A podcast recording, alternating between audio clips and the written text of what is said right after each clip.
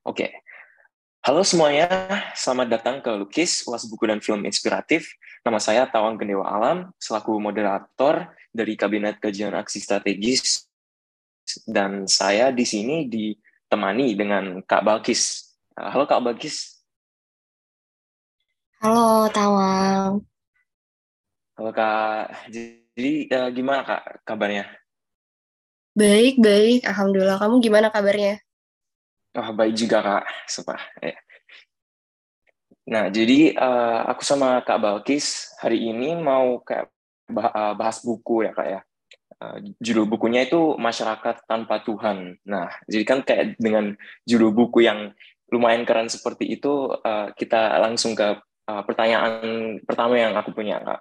Yaitu kalau judulnya Masyarakat Tanpa Tuhan itu uh, bukunya cerita bukunya tentang apa ya Kak? Oke, sebelumnya makasih ya teman-teman Kastrat dari BMFA udah mengundang aku buat uh, sharing-sharing mengenai bacaan-bacaan uh, yang aku baca. Mungkin aku mau disclaimer juga uh, karena judulnya cukup uh, dalam tanda kutip seksi dan menarik perhatian ya. Aku mau disclaimer kalau uh, kita berbahas eh kita bahasnya dari perspektif monetis itu di mana tidak ada yang benar dan tidak ada yang salah. Uh, hmm. Kan uh, lumayan tabu ya di masyarakat membahas hal ini uh, apalagi Indonesia gitu. Terus juga uh, berbagai pengalaman sedikit uh, waktu aku baca eh bawa-bawa buku ini kadang beberapa respon so, eh, beberapa respon orang-orang tuh kayak astagfirullah Balkis terus kayak waduh hati-hati kis bacanya kayak gitu kan. Uh, tapi sebenarnya sih uh, aku memaknainya ketika kita memperkaya bacaan buku-buku mau itu kiri kanan atas bawah tengah depan uh, apa pun itu uh, pada intinya menurutku um, selain untuk ilmu pengetahuan kita juga membaca untuk proses menuju pencarian diri dan memperkaya makna hidup gitu. Makanya menurutku buku ini sangat menarik ketika aku punya uh, banyak sekali pertanyaan mengenai hal fundamental dalam maknai kehidupan yang aku bilang tadi. Nah, uh, balik ke pertanyaan kamu tadi, Tawang, tentang judul ini sebenarnya menceritakan mengenai apa. Uh, kayaknya akan lebih afdol ketika kita lihat uh, latar belakang penulisnya dulu nggak sih? Um, si Bill Zuckerman ini, ya, si penulis dia adalah um, seorang professor of sociology and secular studies di Pitzer College uh, Claremont California. Banyak sekali buku-bukunya yang menceritakan mengenai sistem sekuler negara masyarakat sekuler aspek-aspek uh, sosiologisnya. Uh, nggak hanya buku ini banyak juga buku-buku lainnya gitu. Uh, dan kalau misalnya kita berbicara mengenai buku ini dia mengeluarkannya karena uh, selama ini kan banyak sekali gitu klaim-klaim yang menyatakan bahwa masyarakat uh, yang tidak memiliki kepercayaan dan kepatuhan terhadap Tuhan atau agama akan melahirkan suatu lingkungan yang amoral gitu, yang berantakan, yang angka kriminalitasnya tinggi dan sebagainya. Jadi banyak banget klaim yang mengatakan bahwa agamalah yang membuat orang tetap bermoral. Nah, di buku ini tuh dinegasikan gitu, di, uh, disampaikan oleh Phil bahwa itu nggak benar. Dia membuktikannya uh, kalau misalnya tuh agama itu um, uh, masyarakat tanpa agama itu bisa hidup dengan sejahtera. Kalau misalnya dalam buku ini itu dicontohkan, dipercontohkan dengan Swedia dan Denmark. Nah, ada klaim yang penting juga di buku ini sebelum kita liar ke mana-mana ya uh, bahwa Phil menegaskan uh, kalau di buku ini fokusnya itu membantah pernyataan tersebut yang digemborkan secara luas. Uh, kalau mutlak tanpa agama masyarakat menjadi hancur bukan uh, buku itu bukan kayak oh agama itu jelek, oh sekuler itu sistem paling baik nggak kayak gitu, tapi sekadar untuk membantah bahwa uh, pernyataan tersebut sebenarnya salah. Kalau mutlak tanpa agama masyarakat akan kacau. Nah itu dicontohkan tadi yang aku bilang dalam bukti-bukti empiris ya kalau kita pakai bahasanya metodologi penelitian dan penelitian hukum nanti ada mata kuliahnya. Itu dijelaskan dengan metode-metode empiris dari wawancara data-data jadi nggak teoretik-teoretik doang gitu. Benar-benar wawancara dijabarkan sama Pil oh wawancaranya juga dari berbagai macam latar belakang. Itu ada dari uh, pengacara, ada dari perawat yang dekat dengan kematian, terus juga ada dari orang-orang yang udah PhD, ada yang putus sekolah, banyak banget dari pendeta juga ada. Jadi uh, kurang lebih kayak gitu sih. Uh, isi bukunya Tawang judulnya menceritakan tentang hal itu. Oh, baik kak. Jadi tadi kak Bakis uh, menjelaskan bahwa tadi dijelaskan secara empiris dengan wawancara-wawancara berarti uh, Pak Mas Phil Zuckerman itu terbung eh ter, kayak terjun di lapangan itu ya kak ya? langsung ke negara-negara Denmark dan Swedia gitu langsung wawancara khusus. Iya betul banget karena uh, dia sih menjelaskan dalam bukunya dia tinggal beberapa bulan di sana. Uh, dia tinggal beberapa bulan dan uh, di situ muncul kayak karena dia memang base nya itu ya tadi uh, sosiologi dan sekuler meneliti mengenai sekulerisme dia memperhatikan bahwa uh, oh kok masyarakatnya kayak gini ya kok aman tentram damai tapi ketika dilihat mereka sangat-sangat uh, minim membahas mengenai hal-hal yang religius gitu. Makanya Uh, dengan dia tinggal di sana beberapa lama, anaknya juga sekolah di sana, dia juga mewawancarai orang tua orang tua anaknya gitu di buku ini dijelaskan. Jadi itu uh, poin-poin kenapa dia uh, melakukan penelitian empiris tersebut di Denmark dan Swedia gitu, Tawang. Oke, makasih kak.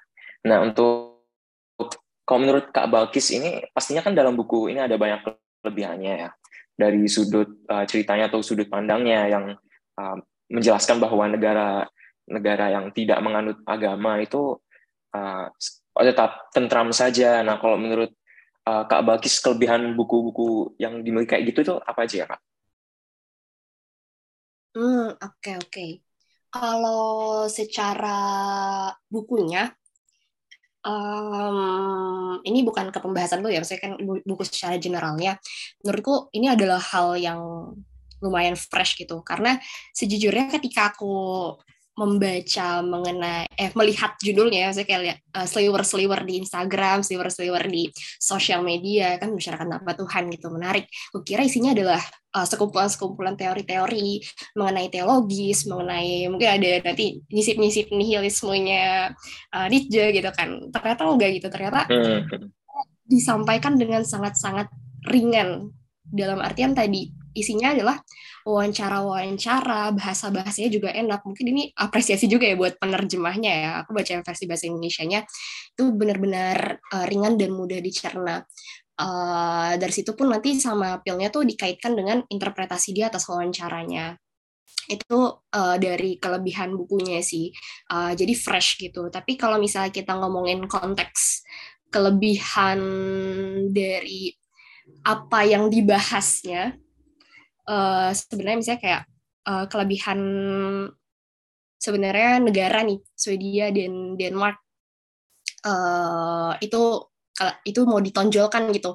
Oh ini mereka tidak beragama tapi mereka sejahtera kok gini kok gini kok ini mau ditonjolkan gini gini sebenarnya uh, hal tersebut itu nggak uh, terlalu di highlight nggak terlalu dileburkan karena uh, tadi poinnya sipil ini cuman nggak uh, mau membuktikan bahwa oh uh, metode ini lebih baik negara dengan sekuler ini lebih baik, negara dengan ini tuh lebih baik. Tapi dia cuma membuktikan bahwa klaim-klaim yang tadi yang uh, negara masyarakat yang amoral, eh masyarakat yang tanpa ber, eh, tanpa Tuhan itu amoral. Jadi kayak cuma sekedar itu aja. Itu sih Tawang. Oke. Jadi uh, menurutku menarik banget sih kalau bukunya sendiri memilih judul masyarakat tanpa Tuhan. Jadi kayak biar memberi memberi orang kayak seketika salah pikir gitu. Jadi pas jadi pas mereka baca akhirnya oh jadinya bukan tentang ini. Iya betul kayak betul. misalnya kak, kak Balkis tadi kan. Iya. Terus uh, ada poin menarik juga sih. Karena uh, setelah ku baca ini kan judulnya masyarakat tanpa Tuhan ya bukan masyarakat tanpa agama. Uh, hmm. ya kan?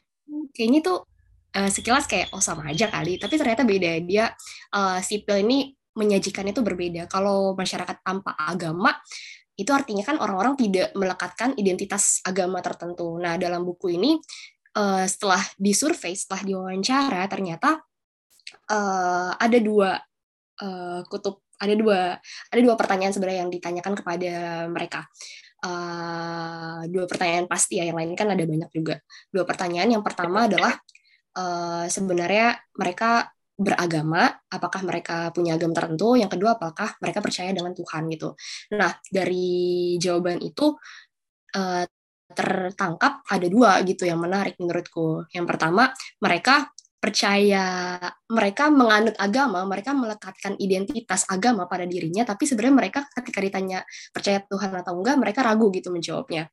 Uh, itu yang pertama. Lalu yang kedua, uh, mereka ada masyarakat yang sekelompok masyarakat terang-terangan menyatakan oh, kalau mereka non beriman, ateis, agnostik dan segala macamnya. Uh, jadi uh, hal itu juga menarik gitu uh, dalam buku ini.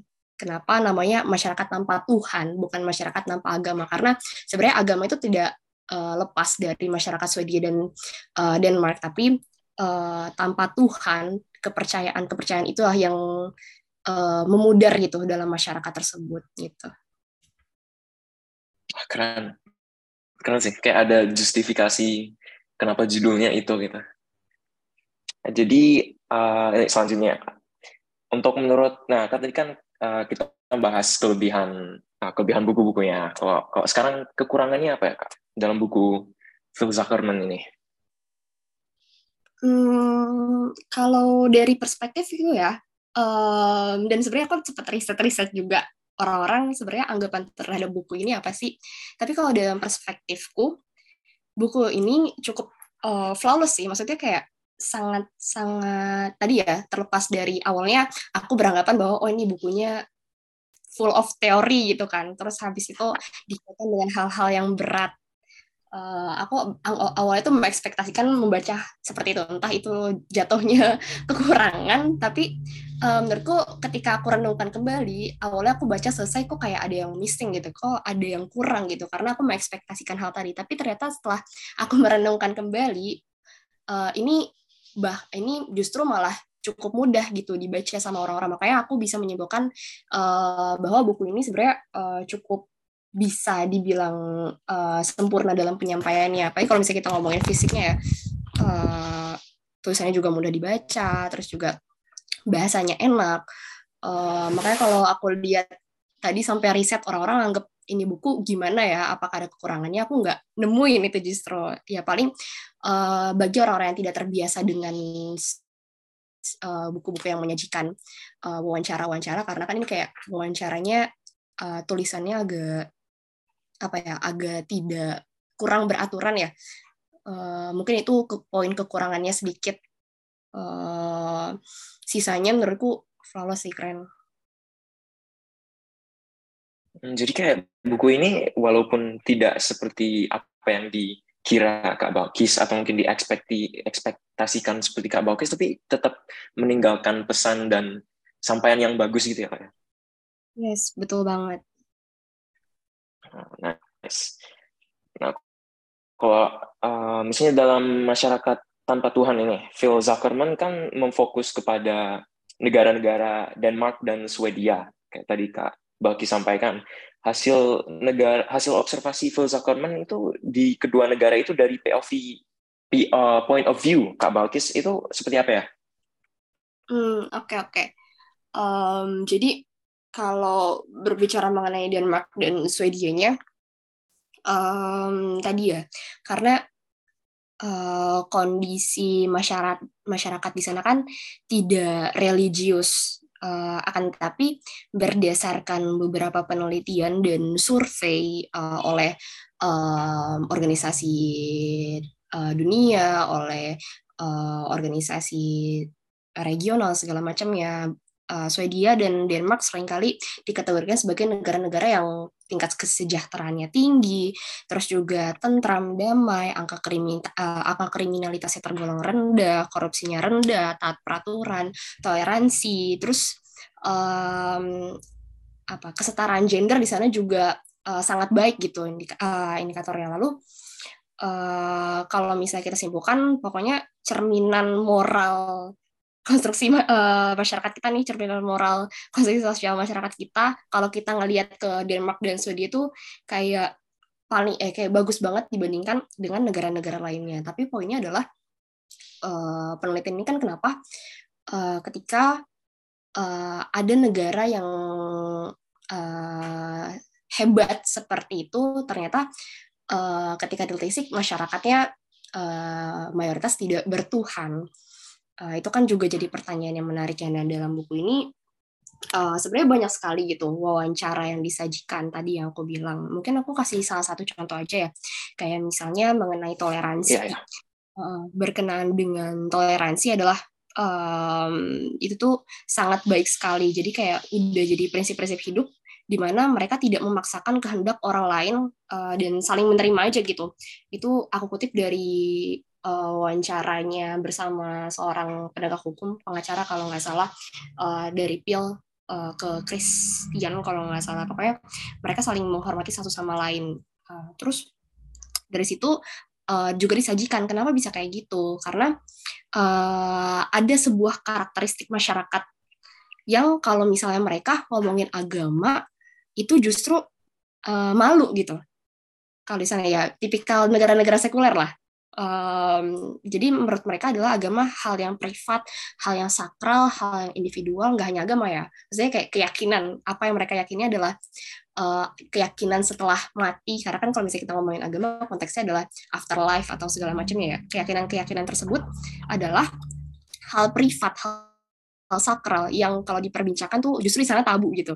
Tapi um, kalau misalnya dilihat ini diidentifikasi sama Pil bahwa itu jadi sebuah uh, kemasa bodohan yang tidak berbahaya. Maksudnya kayak oh nih orang nggak ngomongin agama kayak udah masa bodoh lu mau gini kayak mau gitu kayak mau gitu kayak tapi itu nggak berbahaya itu dia ngomong gitu kemasa bodohan tak berbahaya. Mereka memang non beriman tapi bukan anti agama beda kan sama kita ngomongin nanti mungkin aku bahas di konteks Korea Utara terus juga di konteks negara negara-negara lainnya yang secara terang-terangan menyatakan mereka adalah negara ateisme gitu itu beda. Jadi di situ di Swedia dan Denmark justru uh, beranggapan bahwa agama itu baik. Fenomena ini dibilang sama Pil adalah uh, keterpaksaan uh, tidak ada keterpaksaan kehendak dan semua bebas melakukan uh, dan menghormati masing-masing kehendaknya. Itu uh, salah satunya sih. Jadi masih banyak sebenarnya uh, poin-poin lainnya tapi ya salah satunya itu mereka toleransi karena tidak ada keterpaksaan kehendak gitu. Jadi saling menghormati satu sama lain. Terus um, ada juga kayak sesimpel sesederhana orang yang nggak beragama mereka gimana sih cara menilai moralitas? Itu disajikan dalam buku itu sangat-sangat sederhana. Uh, ada wawancara yang uh, ke salah satu uh, warga gitu. Aku lupa siapa. Cuman dia bilang kalau gimana sih cara menilai moralitas bagi dia cuman sesimpel aku tidak akan melakukan hal yang tidak akan dilakukan orang lain kepadaku gitu. Jadi standar moralitas orang-orang yang tidak beragama kalau kita generalisir di sana ya seperti itu gitu kurang lebihnya. Makanya sana ada proses saling menghormati tadi aku bilang toleransi, terus itu juga berimplikasi ke hal-hal lainnya. Mungkin uh, kalau misalnya kita bahas tadi yang konteks-konteks Korea Utara, terus juga konteks-konteks Uni Soviet, terus bahkan Albania yang terang-terangan menyatakan uh, negara ateisme itu ada konteks keterpaksaan, walaupun mereka non bertuhan ya, tapi kan itu skala uh, nya berbeda ya. Maksudnya kayak uh, Swedia dan um, Denmark tadi kita bilang kesejahteraannya tinggi, berbeda dengan Korea Utara, Albania yang kesejahteraannya di bawah, jauh di bawah Eh, negara-negara tersebut walaupun sama-sama non bertuhan tapi ada beda gitu. Ada yang dipaksakan kehendaknya untuk menjadi ateis di bawah diktator gitu kan. Ada yang bebas. Ada yang uh, bebas dari kekangan tersebut seperti Swedia dan Denmark. Seperti itu. Tawang hmm, jadi uh, yang kayak Kak Balkis pakai sebagai contoh dari Uni Soviet Albania yang uh, sangat peduli dengan agama sampai tidak mau ada yang agama sampai mengklaim sebagai negara ateis itu ada kehendak yang dipaksakan dan dibandingkan dengan Denmark dan Swedia itu mereka sebenarnya ketidakpedulian mereka akan agama atau ketidakpedulian mereka akan agama orang lain itu sebenarnya telah membuat uh, hegemoni kultur yang sangat membantu ya. Iya, iya, itu menarik sih, betul. Nah, kalau uh, misalnya menurut uh, Kak Balkis, uh, apakah hal yang muncul dan dibicarakan di buku ini, uh, apakah ada yang merefleksikan dengan negara kita sendiri nih Kak? Kayak misalnya Indonesia. Hmm, ada, ada banget. Hmm, karena ketika aku membaca ini kan pasti aku melihat juga ya pertanyaan-pertanyaan sebuah pertanyaan-pertanyaan menurutku pertanyaan-pertanyaan hidup muncul ketika kita memperhatikan lingkungan sekitar uh, which is ya Indonesia gitu. Karena uh, dalam buku ini um, kan kalau misalnya di negara kita jelas kita tidak mengenal mengenai ateisme.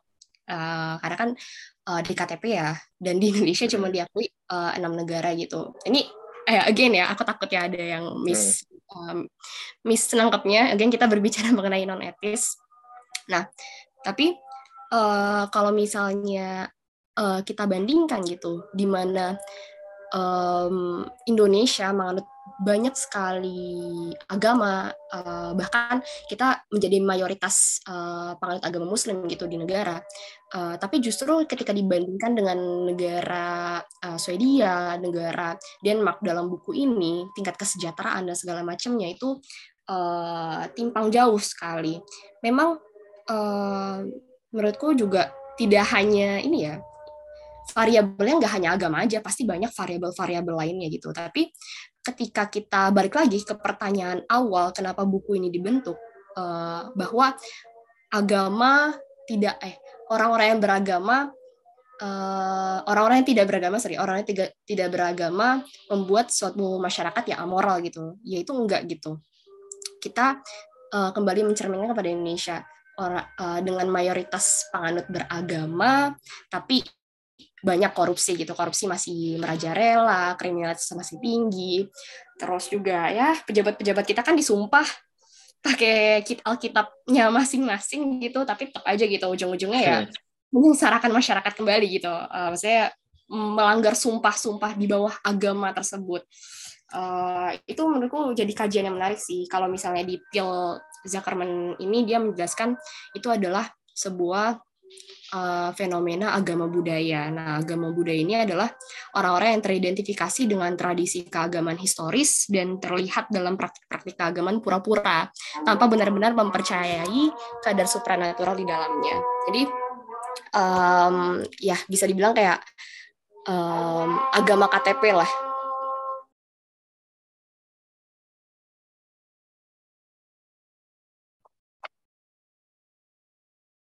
Oke, baik. Nah, kalau untuk dalam buku ini kan Phil Zuckerman uh,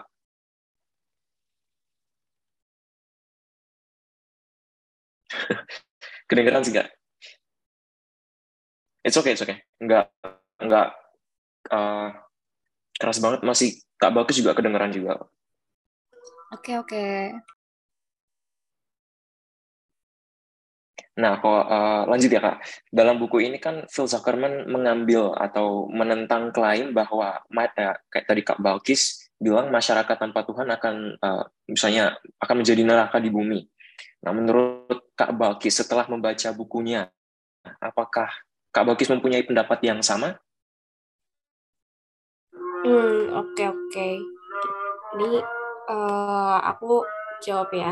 Jadi um, masyarakat tanpa Tuhan akan menjadi neraka di bumi. Um, itu sih menurutku masih banyak variabel-variabelnya dalam menentukan suatu hal. Uh, bagaimana kita menilai bahwa uh, oh ini sistem negaranya jelek, sistem negaranya bobrok, terus juga masyarakatnya bobrok, itu dipengaruhinya oleh apa aja gitu. Karena kalau kita uh, ngomongin mengenai, oh ini orang punya agama tapi dia beriman benar-benar beriman gak sih? Itu kan sulit ya. Maksudnya uh, aku sih sebenarnya mengamini bahwa uh, semua agama pasti mengajarkan kebaikan. Nah, itu sebenarnya klise sih itu klise tapi memang benar gitu. Semua agama mengajarkan kebaikan. Uh, jadi kalau misalnya dia benar-benar memiliki agama dia melekatkan sebuah identitas agama pada dirinya lalu dia juga meyakini mengimani uh, Tuhannya gitu uh, pasti dia kan tertuntun ke arah kebaikan gitu. Tapi kan justru kenyataannya uh, realitasnya tadi ada sebuah fenomena agama budaya. Orang-orang cuman oh ya udah identitas doang tapi dia percaya atau enggaknya ya masih uh, setengah-setengah. Nah makanya ada fenomena-fenomena di mana orang-orang uh, akhirnya berbuat menyimpang dalam nilai-nilai agama gitu. Uh, yang pada akhirnya kalau misalnya kita ngomongin tadi balik lagi ya uh, mengenai masyarakat tanpa Tuhan akan menjadi neraka di bumi, ya sebenarnya enggak juga gitu. Karena uh, terbukti kan tadi dari buku-buku eh dari buku yang dibahas, dari esai yang dibahas oleh Phil Zuckerman bahwa uh, Denmark dan Swedia yang masyarakatnya uh, justru tidak percaya dengan uh, Tuhan gitu. Mereka punya nilai-nilai moral sendiri gitu. Mereka uh, punya nilai-nilai moral sendiri yang di mana itu justru mensejahterakan mereka, menjaga mereka dari perbuatan jahat. Jadi ada sebuah variabel-variabel lainnya. Jadi nggak sesederhana bahwa oh kalau misalnya orang nggak beragama dia mutlak uh, mutlak uh, menjadi amoral gitu enggak enggak kayak gitu. Nah, uh, kalau misalnya di bukunya itu uh, disampaikan juga bahwa alasan-alasan terciptanya masyarakat yang sehat tidak dari faktor spiritual, akan tapi banyak faktor lainnya yang mempengaruhi, yang menari, yang uh, saling uh, apa ya berelaborasi lah, saling uh, mempengaruhi tadi yang aku bilang satu sama lain uh, beberapa di antaranya ya itu dari sejarah, ada sejarah, ada proses politik, ada ekonomi, ada uh, geografi bahkan lalu ada sosiologi juga gitu. Jadi banyak sekali variabel-variabel yang menentukan uh, makanya kalau misalnya kita bilang uh, tadi masyarakat yang tidak bertuhan itu menjadi uh, neraka di bumi itu sebenarnya harus di uh, simak lagi harus dikaji kembali gitu ya. Kalau misalnya kita ngomongin um, mazhab misalnya mazhab dari kriminologi kan kriminologi juga mempelajari mengenai sebab-sebab kejahatan ya. Uh, ada yang sebab kejahatan dari um, lahir gitu dari fisik tapi kan ada juga uh, mazhab yang bilang kalau misalnya kejahatan dari lingkungan. Menurutku itu uh, relevan sih dengan kondisi saat ini. Jadi bukan soal agama tapi ya dari lingkungan gitu uh, sebab kejahatan atau mungkin variabel-variabel yang dari tadi aku singgung gitu. Uh, jadi nggak mutlak ketika orang-orang tidak punya agama, dia lepas dari nilai-nilai moral itu sendiri. Gitu sih menurutku Tawang. Oke, makasih Kak. Nah, uh, terima kasih udah jawab-jawab pertanyaan-pertanyaan saya. Uh, tolong uh, closing statement-nya Kak. Um, closing statement dariku uh, paling ini ya, um, ketika membaca buku menurutku sebebas bebasnya teman-teman uh, membaca berpikir uh, itu silahkan gitu. Maksudnya kayak ini kayaknya judulnya terlalu sensitif deh tapi menurutku ya dibaca aja gitu. Apalagi kita kan anak hukum ya uh, tidak hanya hal-hal positif aktivisme dan normatif gitu kan. Kita harus menggali juga hal-hal lainnya gitu yang secara budaya kultur dan segala macamnya yang beyond uh, hukum gitu. Supaya memperkaya uh, literatur dan pikiran juga gitu. Makanya uh, mungkin kalau dari aku uh, ini aja sih.